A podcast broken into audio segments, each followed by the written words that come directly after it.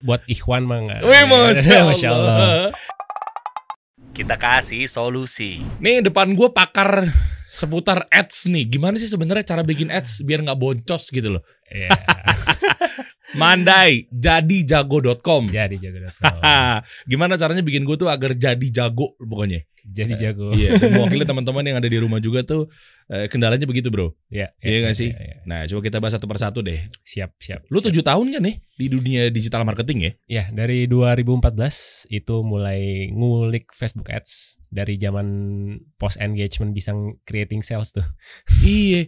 Kemarin eh, sempat mampir Ustadz Ali Hasan Bawazir. Iya, Hafizahullah ya. betul. Kan lu juga tuh yang megang sosial media manajemen deh sampai ke ads-nya. Ke ads-nya ada Iya kan? beberapa inisiatifnya Ustadz sama partnernya juga yang Wih. dipegang waktu itu. Berarti semuanya lo pegang ya? Kayak misalnya em, apa ya landing page-nya, Yes, Ya, betul. semuanya ya. Semuanya. Nah, Yang berhubungan dengan ads. sebenarnya lu siapa sih? Coba enggak, enggak, enggak, gini gini gini. Gue penasaran gini. Kan memang orang-orang per IT-an di belakang itu kan eh, jarang terkonsumsi publik. Eh, Ya, ya mungkin nggak semua lah, Aha. ya kan. Nah, tapi jangan meremehkan mereka-mereka begini loh guys. Iya, maksud gue gini. eh, m- mereka itu tuh tahu bagaimana caranya ngebidik market, ya kan? Ya. Funnelnya jelas. Betul.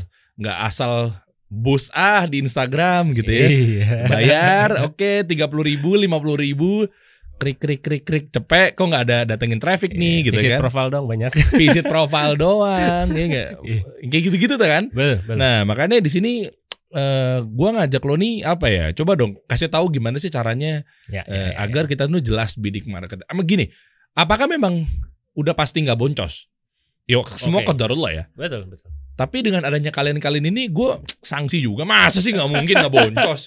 Iya, iya, iya. Jujur, pasti lu pernah boncos kan? Iya pastilah. Nah, 2014 belajar mana ada course-coursean. Oke. Budget budget sendiri, testing sendiri, boncos-boncos sendiri. Nah kan. Otodidak kayak Nah gitu. kalau sekarang berarti kan lu menjanjikan ke klien, ya walaupun insya Allah ya. Iya, betul. Tapi kan pasti kan harus minim boncos dong. Betul, betul. Terukur lah, terukur. Kita bedah bareng-bareng. Yes. Oke, satu persatu. Coba gimana fenomenal ads tuh gimana sih biar kita tuh nggak asal Facebook Manager pasang Ya, ya, pasang pasang gitu Ya, dari ya, awal. ya. Siapa lu juga, eh, macem-macem lah. Oke, siap, Hmm, siap. hmm, Bismillah ya. Eh, jadi mungkin kenalan dulu ya. Mungkin Hmm. teman-teman yang nonton ini juga belum tahu siapa siapa aneh dan segala macam. Jadi eh background eh punya bisnis juga gitu kan. Dan juga profesional karir terakhir itu eh di sebuah startup. Ini boleh nyebut merek apa? Bu sebut. Sebut ya. Ini Cleo. Mau Cleo, siapa kompetitornya aku ah? Aku. Sebut, iya, iya, iya. Iya, iya. Jadi eh, sempat di startup di B2B, namanya dulu Sepulsa terus jadi Altera, lebih Hmm. Oh, fokus iya. B2B. Di situ dari 2019 masuk terus eh, karena punya background digital marketing, eh, jadi digital marketing tuh di karir itu nggak nggak apa ya nggak jadi profesional nggak jadi eh, skillnya di situ jadi dulu dulu tuh kalau pas berkarir di bisnis development Hmm. sempat jadi bisnis analis di Jakarta Smart City gitu kan Terus? Terus uh, terakhir di karir ini ya di startup ini. Nah pas waktu itu memang ada kesempatan di mana mereka itu digital marketingnya belum terlalu ada yang ngelit gitu kan. Nah Hmm. terus gue coba over gitu. Eh uh, coba deh dipegangin dulu uh, di apa? Coba diliatin dulu deh, dibenerin apa segala macam dan ternyata uh, berjalan terus uh, naik dari cuman uh, spesialis jadi lead dan punya tim sampai ngembangin sampai terakhir 24 Agustus kemarin Hmm. resign. Dan kenapa resign ya karena bangun jadi jago.com ini dari Desember kemarin. Oke, bentar. Berarti selama lu in-house, Hmm. jadi di perusahaan startup gitu ya, Ya, ya. berapa klien yang dulu pegang? Buat ads-nya berarti kan? Oke, eh, ber- di Dia perusahaan IT kan? Di perusahaan IT, Hmm. background IT, bill payment aggregator. Jadi kalau di di di perusahaannya itu sendiri dia punya ada beberapa inisiatif, ada sekitar empat inisiatif anak perusahaan dari si Altera ini. Gitu Oke. kan.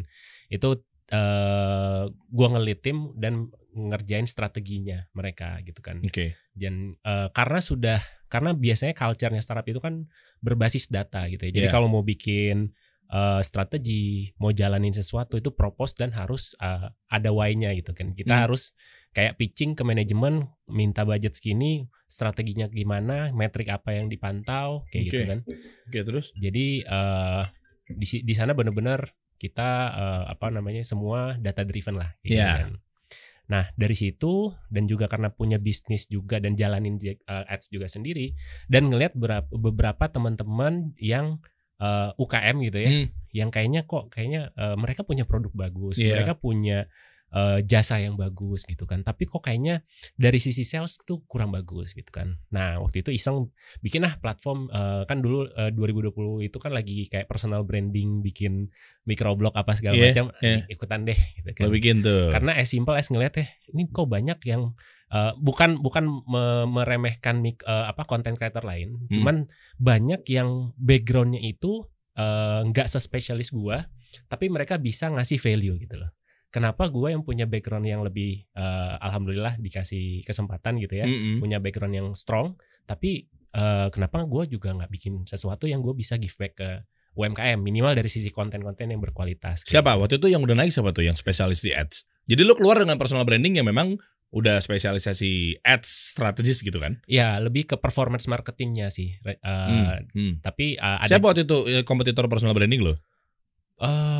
Eh, siapa ya? Siapa? Ya, udah, udah Willy Wang udah muncul belum ya? Gue lupa deh. eh, siapa ya? Kap Kapten Super itu kan Hmm, mereka bikin beberapa course ya, gitu kan. ya, Terus ya. kayak siapa lagi ya? Banyak sih sebenarnya digital ya? digital Hmm. marketer yang memang sudah senior lah dan Hmm. gue juga belajar banyak dari mereka gitu kan. Cuman ya udah cuman cuman yang salafi lo doang. Oke. Yang wahaboy Oke oke oke lanjut. kayak gitu. Jadi ya setelah berjalan ya ibaratnya bikin dulu lah konten, bikin kolam dulu. Mm-mm.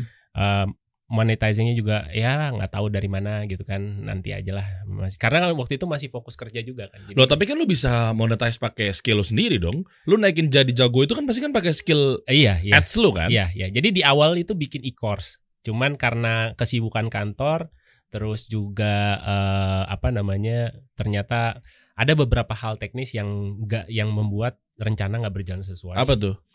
Dari sisi resource gitu kan kita maksudnya waktu itu baru berdua doang sama ada partner juga Heeh. bikin dan karena sama-sama sibuk di kantor juga jadi nggak Oh, fokus harusnya lu gandeng gue dari awal. Masya Allah mungkin abis ini kayaknya Iya.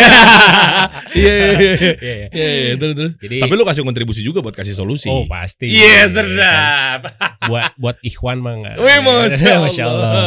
Oke oke. Jadi ya memang tujuannya sih jadi jago itu dibikin buat eh, ngebantuin ya UMKM gitu kan. Eh, karena kan kalau kata para ustadz kita kan ilmu yang bermanfaat itu kan masya Allah jariahnya kan Hmm. jalan gitu kan. Jadi ya udah waktu itu nggak mikir tentang monetize apa segala macam. Nah pas bulan Mei kemarin itu eh, Merasa butuh duit. kenapa? Merasa butuh duit kan awalnya kan nggak penting lah ya. Iya, Iya. nggak pas bulan Mei kemarin tuh eh temen kita Rezi rekomen Oh Rezi. Ya Rezi Deona, Deona, Essential ya kan Eh, kan Ana memang pegangin ininya dia juga kan Hmm. eh, digital marketing ads-nya juga Hmm. bikin website dan landing page gitu di refer ke Ustadz Ali gitu kan Hmm. ada program bikin tebar kurban waktu itu.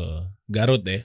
gak ya yang sekarang Garut gitu kan. Hmm. nah waktu itu tebar kurban dibikin eh, tadinya mau bikin website di gua terus nggak jadi karena ada vendor yang eh, mau bikinin. Nah tapi abis website jadi ngontek lagi. Kan Wih. Mandai ini gimana ya? Kita kan butuh traffic bla bla bla bla bla. Ya udah gua jelasin tuh organik paid apa segala macam. Akhirnya ya udah deh coba kita Bismillah eh, coba digarap paidnya gitu kan. Itu 10 hari sebelum hari kurban tuh Oke. ya kan wah gimana nih 10 hari gitu Tujuannya biar dapat kambing dombanya la- laris. La- laris gitu kan Wih, tantangan 10 dong. hari kan 10 hari. Nah, ini kita bedah nih. Gimana caranya masang ads ngebidik ke market yang tepat ya sehingga tujuannya bukan awareness tapi sales. langsung conversion Iya kan?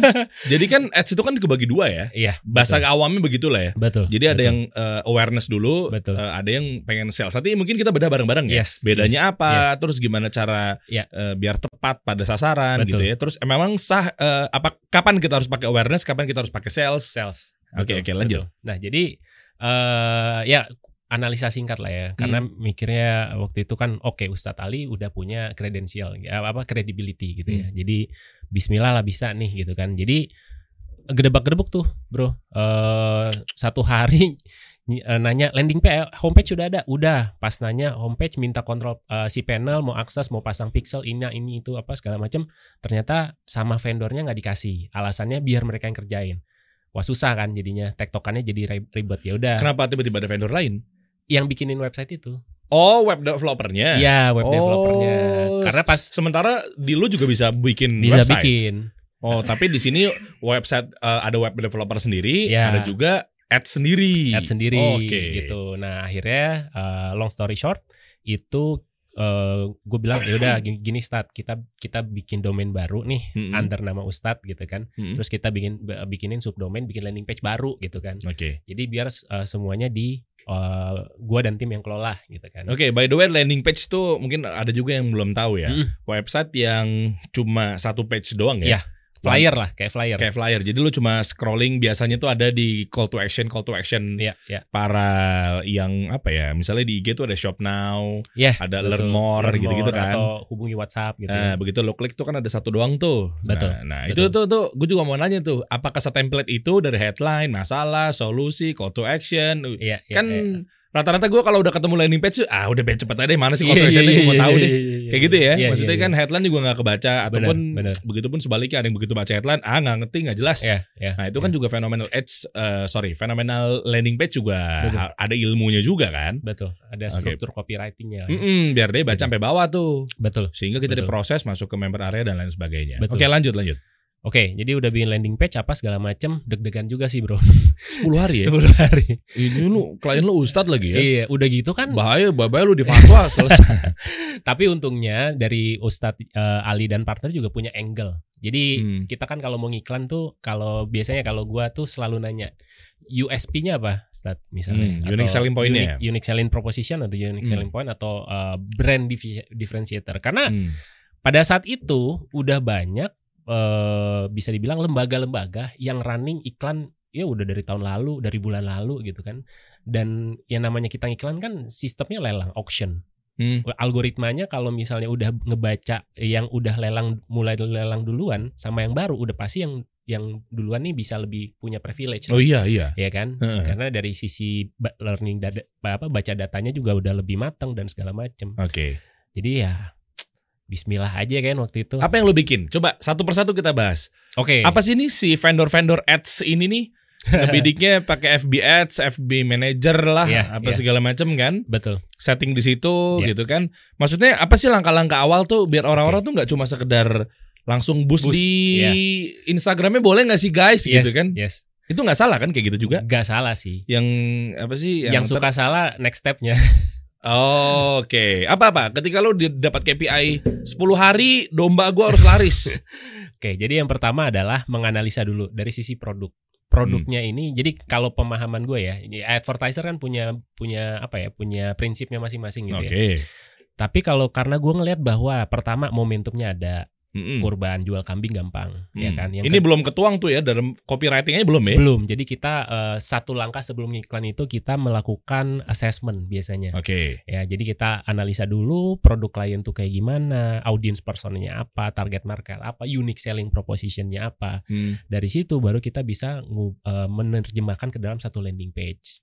Harus pakai landing page banget. Enggak, ini gue pengen Iya, kontroversi aja sih. Gitu. Selain landing page nggak bisa ya? Langsung IG-nya Bisa. langsung. Bisa tergantung jenis produk atau bisnis. Jadi kalau misalnya ya ini kita mengesampingkan eh, obrolan kita tadi yang Hmm. eh, kambing gitu ya. Mm-mm. Beberapa klien gua yang sistemnya commerce itu fashion terutama ya, Mm-mm. fashion itu nggak pakai landing page, Nah ini langsung ke produk page.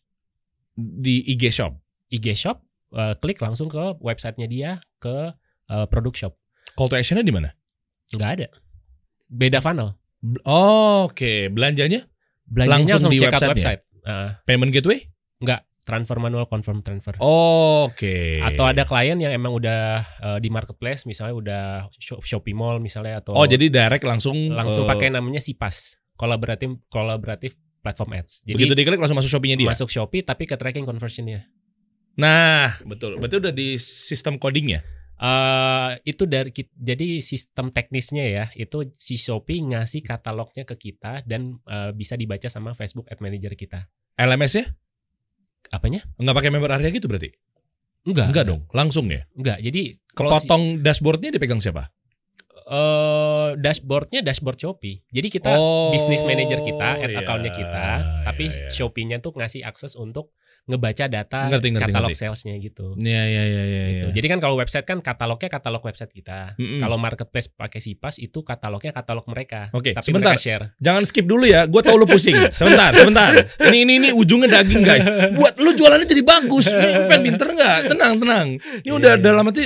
Gue tahu jari lu udah mau ke cepet-cepetin atau mau ke close nih. Iya. Tenang tenang tenang tenang tenang tenang guys. Tenang. Iya, Ini gue iya. tahan dulu. Gue disclaimer dulu. Benar benar. Gue tahu lu keringetan. Bingung, Oke, bingung. iya, gue tahu lu keringetan. Ini ujung-ujungnya buat jualan lu insya Allah bagus nih. Iya. Simak nih, simak nih. Biar maju Islam yang megang no. Ayo, oke. Amin. Oke, oke. Terus, terus, terus. Jadi ya itu, jadi nggak semuanya. Jadi kan ada kayak eh, sering lihat kok, oh jualan terus pakai landing page apa segala Iya, macam. Nggak juga sih, nggak juga. Kalau misalnya, alhamdulillah selama ini kalau megang, eh, jadi gini prinsipnya kalau kalau gue ya, kalau produknya itu bisa dideskripsikan di content feed lu ya atau di produk description. Ya itu lu bisa langsung ke katalog page checkout. Kalau lu punya website yang langsung checkout, ya kan. Oh Iya Produk dong. yang nggak perlu banyak edukasi. Tapi guys, ini ada ada ada ada ada, ada, eh, kontroversi menarik nih, kontradiktif nih di sini nih. Ada orang-orang sekarang meninggalkan marketplace. Ah, lu, lu pernah dengar? Lu, lu, tau gak arah gue mau ke mana? Heeh. Jadi meninggalkan marketplace sehingga dibangun kolam sendiri. Mm-mm. Ngapain? Database dipegang sama Shopee sama Tokped. Nah iya.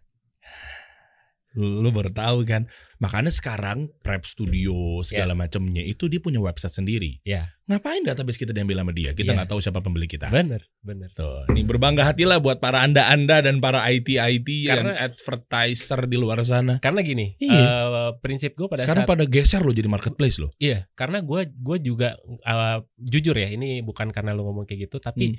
Klien-klien gue selalu gue arahin bikin website, bukan karena gue jual jasa bikin website ya, Iya. karena gue kasih tahu the the the reason behind marketplace ini eh, bakar duit banyak gitu kan. Wih, ini ini ini panas obrolan kita nih.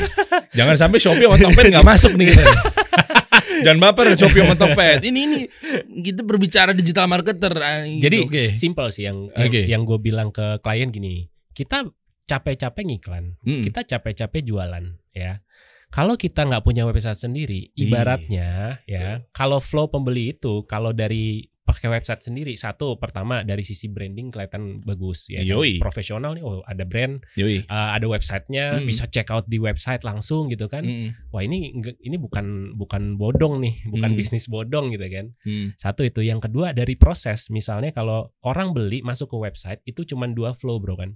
Dia jadi beli atau dia kagak jadi beli. Iya, Iya kan. betul. Tapi kalau misalnya diarahin ke marketplace jadi tiga flownya.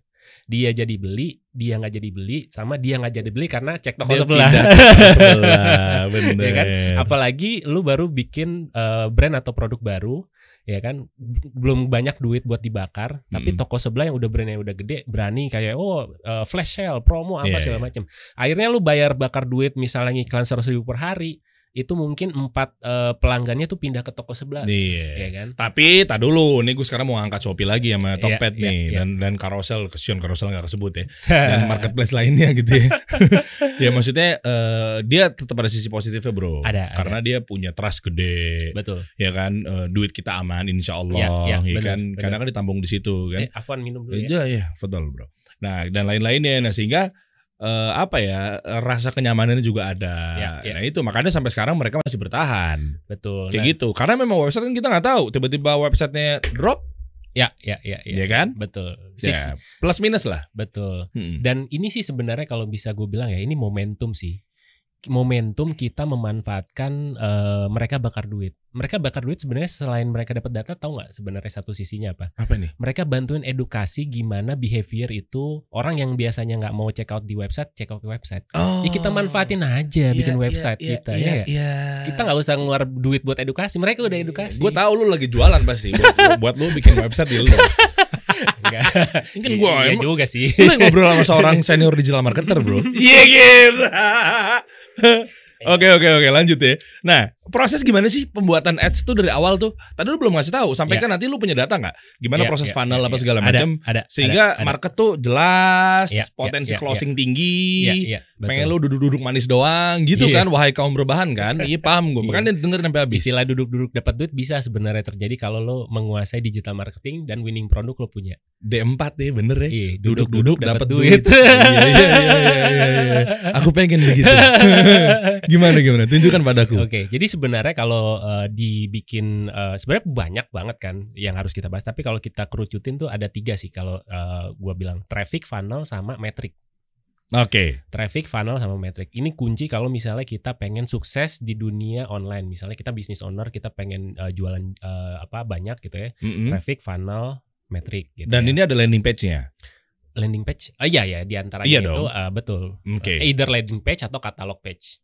Oke. Website Ter- tadi. tergantung uh, jenis produknya dia gitu ya. Yang Oke. jelas harus ada website sih. Oh, iya, iya. Biar pixel kita Setuju. optimize atau Google Tag Manager kita op- optimize gitu kan. Betul betul. Nanti kita beda bareng-bareng ya. Beda Terus dari bareng-bareng. tiga ini gimana nih? Mau ada ini nggak? Oke, Boleh mungkin dong tampilin dong. traffic dulu kali ya. Boleh boleh. Traffic. Traffic, dulu. Hmm. Traffic. Jadi kita kan tahu ya kalau di dunia digital tuh ada dua jenis traffic, Oke. organik sama paid. Oke. Ya, organik berarti ya sosial media posting, hashtag, paid pro eh, enggak enggak enggak Enggak enggak enggak paid promote dong. Enggak paid promo itu masuk Ya ke pokoknya paid ya. personal branding atau corporate branding. Yes, betul. Konten kan? Iya, atau kolaborasi misalnya saling collab gitu kan. Pokoknya anything yang gratis dapat trafficnya gitu. Iya. kan. Nah, itu adalah eh apa namanya? amunisi kita untuk menargetkan di dunia online gitu kan. Mm-mm. Jadi ibaratnya ini kan kalau kalau di sini kan ada funnel ya. Iya funnel. Nah, traffic itu posisinya di atas. Jadi kebayang misalnya eh ini tuh eh kayak corong gitu kan. Iya funnel corong. Corong memang. kan, corong. Berarti cold market tuh paling atas tuh. Iya, traffic tuh di atas tuh. Iya. Ngambang-ngambang tuh. Hmm. ya kan nah makanya kita bikin toko apa bikin Instagram bikin Facebook itu untuk nangkep traffic masuk ke funnel kita Oke. ya kan Oke. nah funnelnya itu nah sebelum kita masuk ke funnel jadi kita harus menguasai ilmu untuk mendatangkan traffic Hmm. baik secara organik maupun secara paid Oke. Iya kan? Yang mau dibahas mana dulu nih?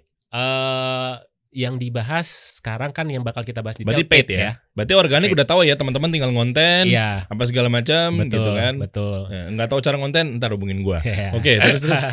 nah, Terus. setelah kita sudah misalnya dapat traffic, Ah, kita masukin ke dalam funnel, funnel sales funnel kita. Oke. Nah, jadi ada top funnel, tofu nih tofu bukan tahu ya, bukan. beda ya. Dan bukan bene uya kuya dulu bukan, ya. bukan, bukan. Sudah lupa bukan. Sudah lupa. Iya iya iya. Tofu ya, Ah. top funnel gitu ya. Mofu mau mau mau middle of funnel dan bofu bottom of funnel. Ini Oke. istilah yang biasa kita gunain. Ya. Gitu ya. Nah, Hmm. tofu, mofu, bofu ini treatmentnya ke masing-masing eh, apa namanya step ini beda gitu ya. Jadi Oke. kalau tofu itu biasanya, nah ini kan gambar funnelnya juga ada merah, ada oranye, ada hijau. Sebenarnya kebalik sih harusnya paling bawah yang merah gitu kan. Karena kalau kita Ah, mau diedit dulu nggak apa-apa? Jadi tofu itu mungkin eh, next slide mungkin. Oke. Biasanya itu eh, kita dividednya by audience temperature ya. Jadi kalau tofu itu cold market, mofu itu warm market, bofu itu hot market ya. Jadi kalau misalnya selama ini kita menggunakan sosial media, Instagram, terus o- secara dioptimasi dari konten, Iya. dari caption, dari hashtag, bangun di IG story, Oke. bikin reels. Iya. Nah itu kita sebenarnya kita buat menangkap cold market. Iya. Dari yang tadinya nggak tahu brand kita, produk kita, akhirnya "Ah, ada ada apa nih brandnya? Oh iya iya iya. lucu nih kontennya. Oh bagus nih eh, value kontennya. Oke. Follow ah gitu kan Oke. atau save dulu deh siapa tahu mau beli. Nah, Ah, itu oke. berada di cold market. Ya. Nah, balik lagi ke ads. Kalau selama ini eh, teman-teman yang boost post itu sebenarnya buat nambahin funnel paling atas. Hmm, yang boost post yang ada di IG tuh ya. ya, misalnya visit profile, traffic, itu buat filling eh, funnel yang cold sama warm. Tapi salah nggak? Eh nggak sepenuhnya salah, Berarti ada salahnya. ada salahnya. Salahnya adalah nggak di follow up dengan retargeting ads. Contohnya? Jadi kalau misalnya orang sudah masuk ke visit profile, Mm-mm. ya eh, visit profile engage sama konten, bionya acak adut tuh Ya, acak kadut. dari mulai bio Even ya. though bionya acak kadut ya. Selama mereka masuk ke Instagram, itu kan bisa kita build custom audience di Facebook Ads Oke. Manager. Oke. Nah, ini sebenarnya harusnya di retargeting. Hmm. Karena orang-orang yang tadinya cold sudah engage sama audience kita itu jadi turun ke warm. Iya, Karena- sayang banget kalau kita nggak retargeting. Nggak di retargeting. Iya, Tuh, gitu maksudnya. Paham nggak? Jadi sebenarnya eh eh, kalau nggak di retargeting jadinya boncos. Hmm. Kalau di retargeting ada chance jadi nggak boncos sebenarnya. Oke, Ya gimana kan? cara retargeting yang benar? Retargeting itu yang benar adalah kita retargeting di level warm sama hot. Oke. Ya, jadi kalau warm lanjut. ini kalau misalnya kita deskripsikan di uh, activity di sosial media, kalau cold ini baru sempat uh, visit profile, kalau warm ini udah sempat visit profile terus klik link di bio. Hmm, Masuk ke website. Itu ke tracking tuh ya. ke tracking. Kelihatan yang, deh. Ya, yang penting kan pixelnya ke ke ke apa? ke install kan. Iya, iya. Kayak gitu. Oke. Nah, itulah yang di retargeting. Visit uh, link ke ke mana pun dia akan ke detect ya. Yes, ke detect. Nggak harus website. Nggak harus eh, harus website. Kalau misalnya ke Shopee atau ke marketplace nggak ke detect kecuali pakai CPAS. Jadi nah kalau itu maksud gua nih. Nah ini sekalian dong. Gue coba gue mengawamkan Ya, diri ya. ya. Maksud gua biar kita imbangnya enak teman-teman yang nonton Betul, juga tahu. Betul, betul. Biasanya tuh nggak ke tracking kalau memang bukan website. Betul. Jadi nah, lo gimana tuh? Jadi kalau misalnya teman-teman itu belum punya akun Sipas, belum dibantuin sama marketplace bikin, hanya bisa ke tracking kalau kita klik ke link di website. Mm-mm. Tapi kalau interaksi di dalam platform itu tetap ke tracking, kita tetap bisa bikin custom audience. Oke. Tapi pas dia keluar dari platform, kalau nggak di website kita sendiri itu nggak bakal ke tracking.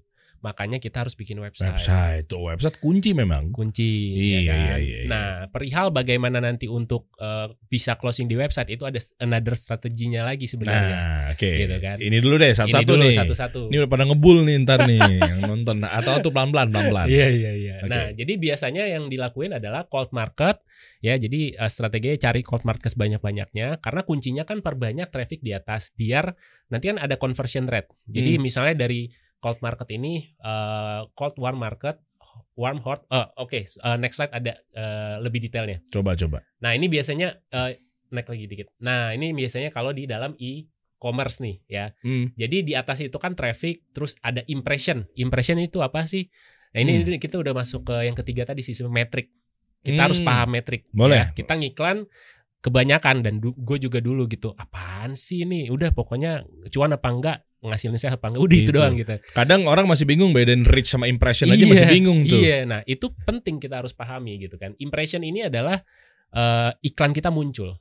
Mm-mm. iklan berapa kali iklan kita muncul jadi satu orang tuh bisa misalnya eh, kena iklan lu kena iklan gue kena iklan kasih solusi sehari tiga kali berarti reach-nya satu impressionnya tiga Klik per.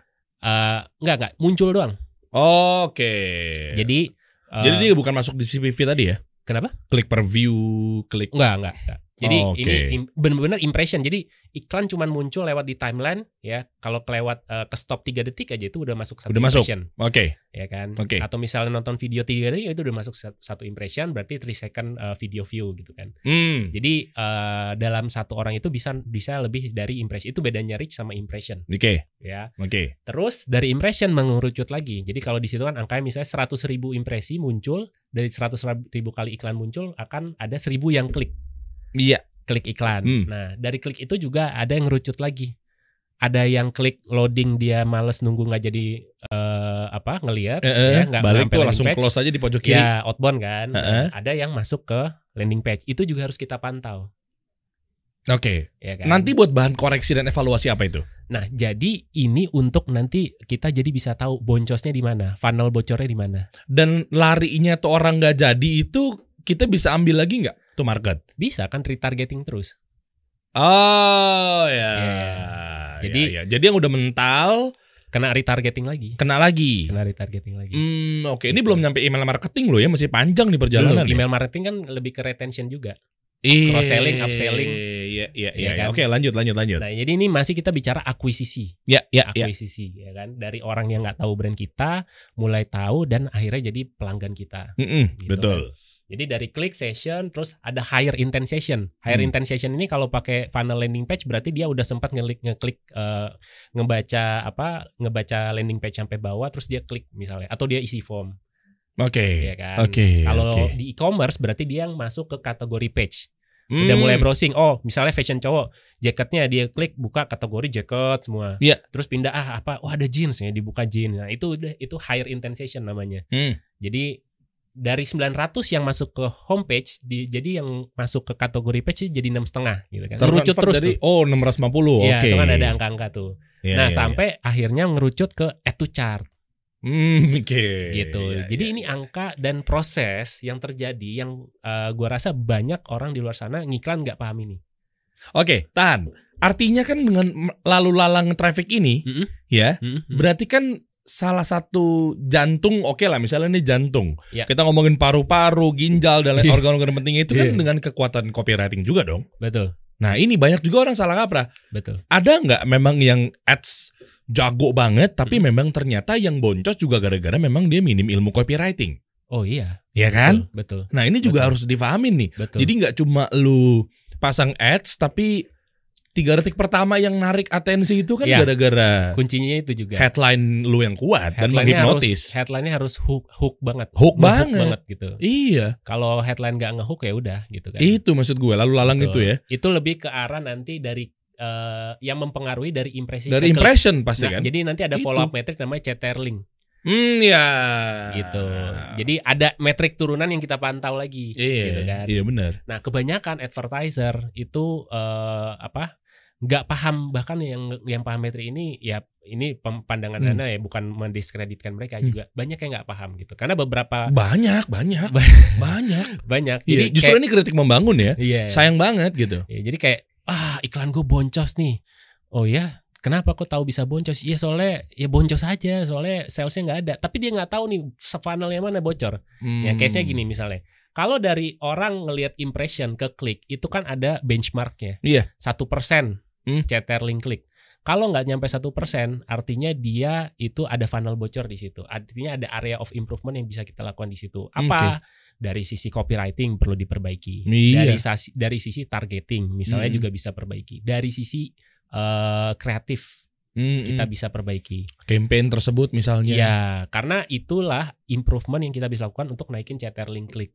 Iya. Nah, Oke. Oke, katakanlah linknya udah bagus, ya kan? Ternyata dari link masuk ke websitenya itu harusnya 1000 benchmarknya 60%. Berarti dari 1000 jadi 600, 600. paling minimal. Oke. Ternyata cuma 200. Ya itu gimana? Nah, artinya website kita nggak bagus performanya. Perlu kita tweak lagi. Pakai SEO. Eh enggak, eh, Bukan. eh, eh, back end-nya. Oh back end-nya. Back end-nya harus kita Gue perbaiki. pikir nongolin per Jadi page mungkin pertama. loadingnya jadi lama banget, ya kan? Atau Oh, misalnya oke. dari hostingnya kurang bagus, Hostingnya ya biasanya. kan? Nah, jadi kita tahu nih, oh ini uh, linknya bagus, tapi dari klik ke landing page view-nya ternyata jeblok banget. Oh berarti ini kita harus perbaiki backend websitenya kita, kayak gitu. Hmm, Nah, kan kalau kita paham metrik jadi tahu tuh Iya, benerinnya benar. di mana, bener gitu bener. kan? Habis itu misalnya Jangan-jangan copywritingnya aman. iya eh, bisa jadi jangan-jangan. copywritingnya aman. Taunya gitu. lu sibuk ngurusin, sementara lu mungkin pakai hosting yang 50 ribu per 70 tahun kan kita nggak tahu bayar Iya. langganan. ya kan. Jadi ini Murah. makanya makanya tadi metrik, Bro. Jadi metrik ini banyak yang mengesampingkan padahal ini penting banget gitu kan. Iya iya. Dan juga eh, ya kalau sales page ya, kalau eh kalau pakai landing page, page biasanya kan pakai satu ujung button gitu kan. Hmm. Entah ke WA, entah ke mana gitu. Pokoknya ada satu dedicated button yang harus kita pencet di situ arahin buat klien masuk. Dan bahkan setiap section Iya. itu selalu ada button. ada ya? button buat Iya. mereka mau pencet bisa gitu kan. Heeh. Nah, itu kan eh, bisa dilihat ya, itu berarti masuk ke higher intent session kan. Oke. Higher intent session. Nah, kalau dengan funnel eh, landing page dengan satu tombol biasanya ke WA ya. Biasanya Hmm. UMKM tuh Ya WA atau WA. eh, atau payment gateway. Eh, ya WA atau payment gateway either way itu biasanya ada standar benchmark 10%. Jadi kalau misal Orang yang ngeklik. Iya, jadi kalau misalnya landing page view-nya 100, minimal kita tar- targetin adalah 10% ngeklik tombol itu. Berarti dari 100 jadi 10 lah minimal. Kalau kurang dari itu artinya? Artinya struktur kopi kita kurang bagus. Kita ubah di situ. Dan lu punya service yang dari mulai pengaturan ads sampai ke landing page lu punya service Sampai itu. kopi ya, sampai kopi Oh gitu ya. gitu. Jadi Lu ntar bagi gua lu berapa persen? Habis dari sini lu banyak orderan. dari sini lu banyak orderan lu bagi. waiting list, Bro. Nih bagi nih. Lu kata gua gak kasih makan banyak pegawai di sini. Iya iya iya. tenang, tenang. Iya iya. Oke Ya. oke. nah, gitu. sampai akhirnya yang paling desirable action itu kalau di e-commerce adalah conversion alias purchase. Hmm. gitu. Jadi di sini kan lihat tuh angka dari iklan muncul. Jadi ini biar bi- teman-teman bisa tahu nih proses ngiklan di balik ngiklan itu terjadinya sebenarnya seperti ini gitu kan. Jadi jangan Oke. tahu boncos nggak boncos doang. Iya, taunya Iya kan? mau ujung-ujungnya mau closing buru-buru Iya. segala macam. Lu nggak ngerti ke- kebocoran tuh corong Iya. minyak tuh ember tuh di mana? Iya, benar. Ya, nama makanya namanya funnel, corong Funnel, bahasa Indonesianya. betul. Jadi dari sini konversi ke eh, apa namanya biasanya ke klik atau ke landing page itu standarnya adalah kalau ada benchmark benchmark ya itu kalau di e-commerce tuh biasanya satu persen. Jadi kalau misalnya ada landing page atau klik seribu minimal harus ada satu purchase. Oh, nah ini eh, yang ini gue setelah banyak obrolan gue baru tahu yang ini nih. Iya, jadi ada Oke. standar-standar benchmark industri dan itu terupdate terus kan.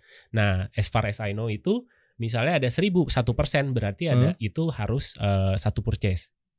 Satu persennya seribu. Kenapa? Kenapa?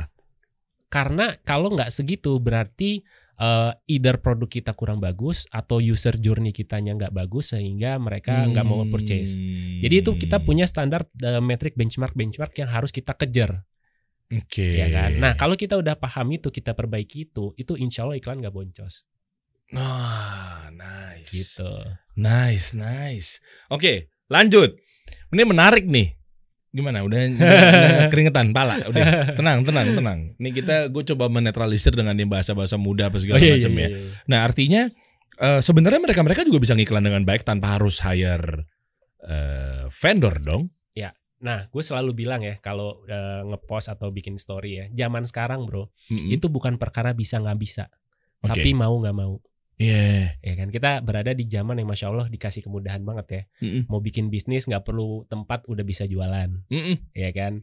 Nggak bisa masak, nonton YouTube bentar jadi jago gitu kan. Iya, iya benar benar benar benar. Jadi sebenarnya bisa, bukan bisa bisa, mau apa nggak mau aja udah. Hmm, cuma memang ada juga butuh vendor karena ya mungkin dia nggak pede, Betul, ya mungkin dia betul. juga nggak mau ribet, Betul, apa segala macam gitu kan. Betul, betul. Tapi biasanya gini dengan pola seperti itu klien tingkat eh BT-nya juga ada dong Hmm. ketika boncos apa segala macam. Duit balik nggak? enggak ya? duit ya nggak balik. Enggak, misalnya kalau ada klien yang rese gitu, duitku balikin dong, ini boncos Tapi nih. alhamdulillah klien gue belum ada yang muncul. Iya, Saya pancing, Anda tahu arahnya ke mana ternyata ya. oh iya iya iya. Karena ya itu tadi sebenarnya banyak advertiser yang nggak running retargeting. Oke. Oke, satu itu dan satu lagi rahasia kenapa gue terima klien nggak, alhamdulillah ya so far belum ada yang boncos. Oke. Karena gue milih-milih klien. Nah, tadi gue narik nafas tuh baru mau gue skakmat lagi Iya iya. di sisi yang berikutnya. Kalau lu nemuin produk-produk yang memang lu nggak paham gimana? Kita kasih solusi.